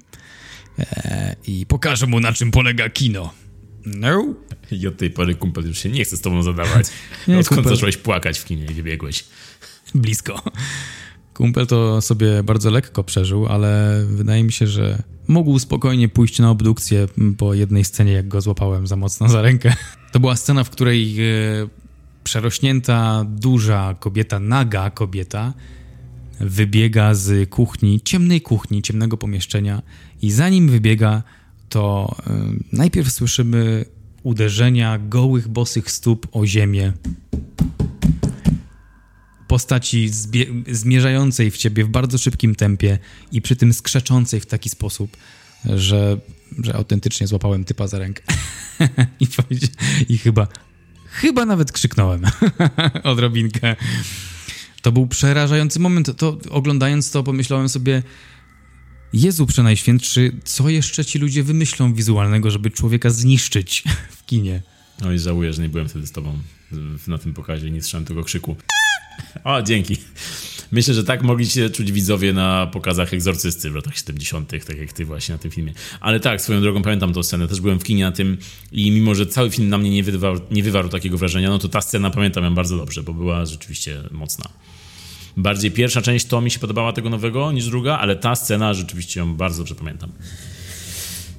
Także tutaj rozumiem twój, rozumiem twoje rozgoryczenie względem twórców i nadal żałuję, że tego nie widziałem na żywo z tobą, ale może lepiej, bo ręka by mnie, ręka by mnie do dzisiaj bolała pewnie. No i wspomniałeś o egzorcyście z lat 70. No i te filmy egzorcystyczne, te filmy, w których mamy gości ubranych na czarno i w kołnierzyku mają biały element i machają krzyżem i coś tam mówią, żeby ta druga osoba się uspokoiła, ta osoba, co sobie wykręca kark. Te filmy najgorzej, najgorzej znoszę. Nienawidzę, nienawidzę tych filmów. Obecność, egzorcyzmy Emily Rose. Nienawidzę tych filmów, nie chcę ich oglądać. Zabierzcie je ode mnie. Usuńcie je. Opowiedz więcej o tym. Komunizm był dobry. Była cenzura. E, pamiętam też, że widziałem film Naznaczony, też um, dobry to był film, ale on jakoś tak bardzo mnie nie, nie wystraszył. Był, był straszny, ale jakoś tak wtedy chyba eh, I can handle it. I te egzorcyzmy Emily Rose były, były takim moim chyba pierwszym filmem, potem jeszcze oglądałem Dorothy Mills chyba, czy jakoś tak, też była druga taka dziewczynka. E, no tam, tam cały ten motyw y, był, był tak szczegółowo przedstawiony. Jeszcze ta sprawa w sądzie z tymi księżmi, no to wszystko było takie, tam było sporo nowych wątków dla mnie. Ja jakoś z horrorami egzorcystycznymi nie miałem nigdy po drodze, w sensie takim, że nie straszyły mnie jakoś wyjątkowo bardzo te, te filmy. E, bardzo dobry jest Egzorcysta i uwielbiam ten film, ale on też na mnie tak nie działa, ani tak jak Egzorcyzm Emily Rose, mimo że to też jest dobry film. No to nie, nie czułem nigdy tego. Być może dlatego, że nie jestem jakiś kościelny i nie bardziej bym się bał chyba księdza w ciemnym zaułku niż, niż, e, niż tego, niż tych egzorcyzmów, niż tej wykręcanej głowy. No, lubię te filmy obejrzeć, ale to nie jest dla mnie coś, po czym nie mogłem nigdy spać. Nigdy tak nie miałem akurat, więc tutaj tutaj akurat jedyne, co mogę zrobić, to mogę z tobą usiąść i obejrzeć egzorcyzmy Emily Rose jeszcze raz i straszyć cię w tych gorszych momentach. Y, ale za to, co, co mnie wystraszyło jeszcze, to była kostnica. Kostnica, taka prawdziwa kostnica y, i nie mówię tu, że byłem w kostnicy, tylko na ekranie. No to prawdziwa czy nie? No kostnica na ekranie, filmowa, o tak. E, kiedyś pożyczyłem od kolegi, od Tomka, film na VHS, nagrywany z telewizji, film Nocny Strażnik, Natewakten, o którym zresztą mówiłem tu ostatnio przy okazji newsów, bo powstaje sequel tego filmu, ale film Natewakten, Nocny Strażnik e, ma swój amerykański remake też z 97 roku, oryginał jest z 94 i jest to film duński w reżyserii Ole Bornedala. I ten film oglądany z taśmy VHS e, wystraszył mnie, mimo że to nie jest film o duchach ani o niczym nadprzyrodzonym, tylko o po prostu strażniku nocnym w kostnicy, w której zaczynają się dziać dziwne rzeczy i do tego jest jeszcze sprawa seryjnych morderstw.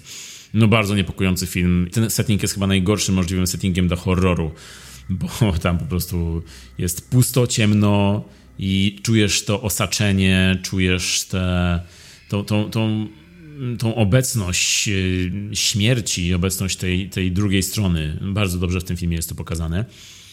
Nocny Strażnik bardzo mnie wystraszył. Jego amerykańska wersja jest też dobra, też straszy i, i oprócz tego też tam jest fajna zagadka kryminalna, także jeśli będziecie mieli kiedyś e, okazję, no to obejrzyjcie Nocnego Strażnika. A jeśli jeszcze mówimy też o horrorach takich real life, takich bliskich życiu, czyli nie nadprzyrodzonych, no to jeszcze jeden film, który, który mnie zniszczył, to jest film Najście.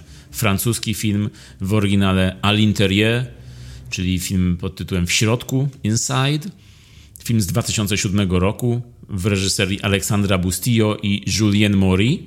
E, dwójki reżyserów, którzy później niestety nie zrobili e, takiej kariery horrorze, ale kilka tam jeszcze tytułów nakręcili, które nie są u nas bardzo dostępne, bo to Francja i, i, i nie mają niestety swojego mm, przykładu u nas.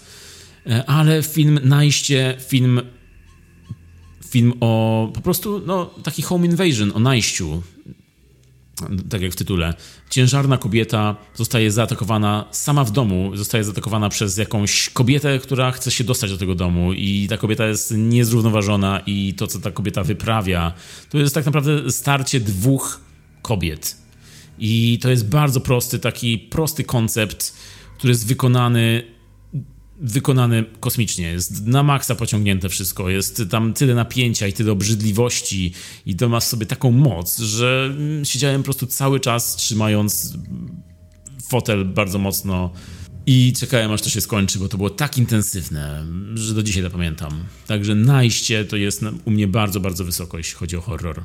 Film, który u nas jest bardzo mało znany i, i jeśli ktoś na niego natrafił, no to myślę, że patrzy na nożyczki całkiem inaczej od tej pory. No, tam jest bardzo też fajna scena, no nie fajna, mocna scena. No i trzeba powiedzieć, że ten film też tak dobrze działa przez te dwie główne role.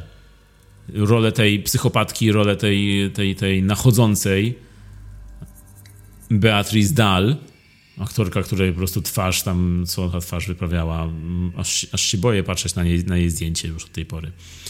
No i jak to w francuskim filmie grozy, tam krew leje się galonami, użycie krwi to jest, e, zużycie krwi ma jakiś orgiastyczny po prostu poziom w tym, w tym kinie. Francuskie kino grozy jest w ogóle też bardzo niepokojące i, i potrafi wystraszyć, bo jeszcze mam na swojej liście filmy Pascala Logier. Pascal Logier, reżyser francuski, który zrobił Martyrs, film Skazani na strach. Film, który może nie jest jakoś często wymieniany, nie jest jakoś e, wysoko w listach horrorów, ale film bardzo obrzydliwy i film, który też oddziałuje na takich poziomach gore e, i, i też swoją drogą w ogóle rejony, w jakie ten film się udaje, mm, są bardzo zaskakujące i potrafią zmrozić krew w żyłach. Także Martyrs u mnie też jest wysoko na tej liście. Film, który oglądałem już w dorosłym życiu i film, który mnie wystraszył i obrzydził. A także drugi film e, tego reżysera, czyli film Ghostland. Film nowszy, bo z 2018 roku. Martyrs jest z 2008. Ghostland, film porównywany trochę według mnie do taksańskiej masakry piłą mechaniczną, tylko że z twistem. I też intensywne doznanie, dużo gore, dużo przemocy, dużo niepokoju. Na wzmiankę też u mnie zasługuje Obcy, którego gdybym obejrzał jak byłem dzieckiem, to bym chyba nie spał. Obejrzałem go dużo później, też mnie nadal wystraszył. Uwielbiam ten film, pierwszą część. No i oczywiście muszę powiedzieć o takich klasykach dzieciństwa jak Władca Lalek, Laleczka Czaki czy Candyman, które filmy były bardzo intensywnie obecne w moim dzieciństwie jako horrory, ale nigdy będąc małym ich nie, nie obejrzałem, bo już samego imidżu i samych poszczególnych scen tak się bałem, e, że, że po prostu nie miałem odwagi. Ojejku, Michał, ale podróż, ale podróż. Tyle strasznych chwil w naszych życiach. Czemu sobie to robimy? Czemu ludzie oglądają horrory? Być może właśnie ten nasz odcinek jest takim terapeutycznym odcinkiem dla nas. Marek, zmierzyłeś się z tym, e, skonfrontowałeś te swoje strachy, może lepiej się poczujesz oglądając teraz to rozdział drugi. A być może e, nasi słuchacze też słuchając tego albo wyciągną z tego jakieś tytuły, których jeszcze nie widzieli, albo może właśnie no, też e, postanowią skonfrontować się, bo horror to jest taki gatunek, który szarpie nerwy, ale w bezpiecznych warunkach i pozwala właśnie na to odreagowanie często. To są takie wysokie emocje w bezpiecznych warunkach. No, to jest coś, co, czym możesz się e, po prostu, wiesz, skonfrontować z tematem, na który, którym na co dzień się nie konfrontujesz. Tak. Hmm, na przykład e, samobójstwem z uśmiechem. Dokładnie. Ale to jest e, trochę tak, jak o tym mówi Jordan Peele, że, że świat jest przerażającym miejscem i uważa, że oglądanie horrorów przygotowuje człowieka i trochę go uodparnia na, trochę ten układ nerwowy hartuje. O, może tak. Też myślisz, że tak to działa? Tak, myślę, zgadzam się z tym i jako fan horrorów uważam y, ogólnie horrory i kino gatunkowe e, jako bardzo dobry sposób na przekazywanie emocji, czy też nawet jakichś często innych, głębszych myśli, których, y, które są, mogą być podane w atrakcyjny sposób. Tak sobie myślę, że jeśli chodzi o pokazywanie traumy ludzkiej, takich przeżyć z przeszłości, z którymi trzeba się skonfrontować, trzeba wrócić do tego miejsca, w którym ta konkretna zła rzecz się wydarzyła, to to jest dobry motyw. To na tym, na tym długo można pociągnąć takie horrory, chociażby jak to, czy jak właśnie Uśmiechnij się. Tym bardziej właśnie, że te bezpieczne warunki oglądania tego filmu e, pozwalają ci później tak, na taki wydech. E, I nawet tak jak właśnie scena, jakiś jumpscare, czy scena straszna w filmie, zaraz po niej następuje albo scena zabawna, albo właśnie jakiś taki moment wytchnienia dla całej publiczności. Tak samo po takim filmie możesz e, skonfrontować się albo z drugą osobą, z którą oglądałeś film, albo po prostu pomyśleć o tym, co było na, na ekranie, już w takich spokojniejszych, bezpiecznych warunkach. No niektórzy oczywiście może później mogą nie spać całą noc, no ale no to już jest e, indywidualne, myślę bardzo. Ale jedyną nieprzespaną nocą człowiek nie żyje. Dokładnie. Czyli trochę tak jakby twórcy pokazywali jest strasznie, jest strasznie, jest źle, jest trauma, ale za chwilę pokażemy kotka, który strąca szklankę ze stołu i jest śmiesznie. Tak, coś w tym właśnie jest, coś, e, coś jest w tym opisie. No, e, horrory to jest bardzo głęboki, duży temat na osobne zagadnienie, być może nawet... Na... That's what she said. A, być może nawet na osobny segment naszego podcastu i do czego może wkrótce wrócimy. Także jeśli byście chcieli usłyszeć o jakichś horrorach albo o jakichś trendach horrorowych, no to dajcie nam znać, a my to po prostu weźmiemy na stół. Dobrze, w ogóle to super, że wytrzymaliście z nami tyle czasu. Kudos za to. Dziękujemy Wam bardzo, że nas słuchacie i nas motywujecie do dalszych e, nagrań. Mm, z naszej strony na dzisiaj to wszystko. Życzymy Wam udanego Halloween. Strasznie dziękujemy. I, i, i po ptokach. Mówili do Was jak zwykle Michał Miller i Marek Szczepański. Do zobaczenia, usłyszenia w następnym odcinku. Cześć.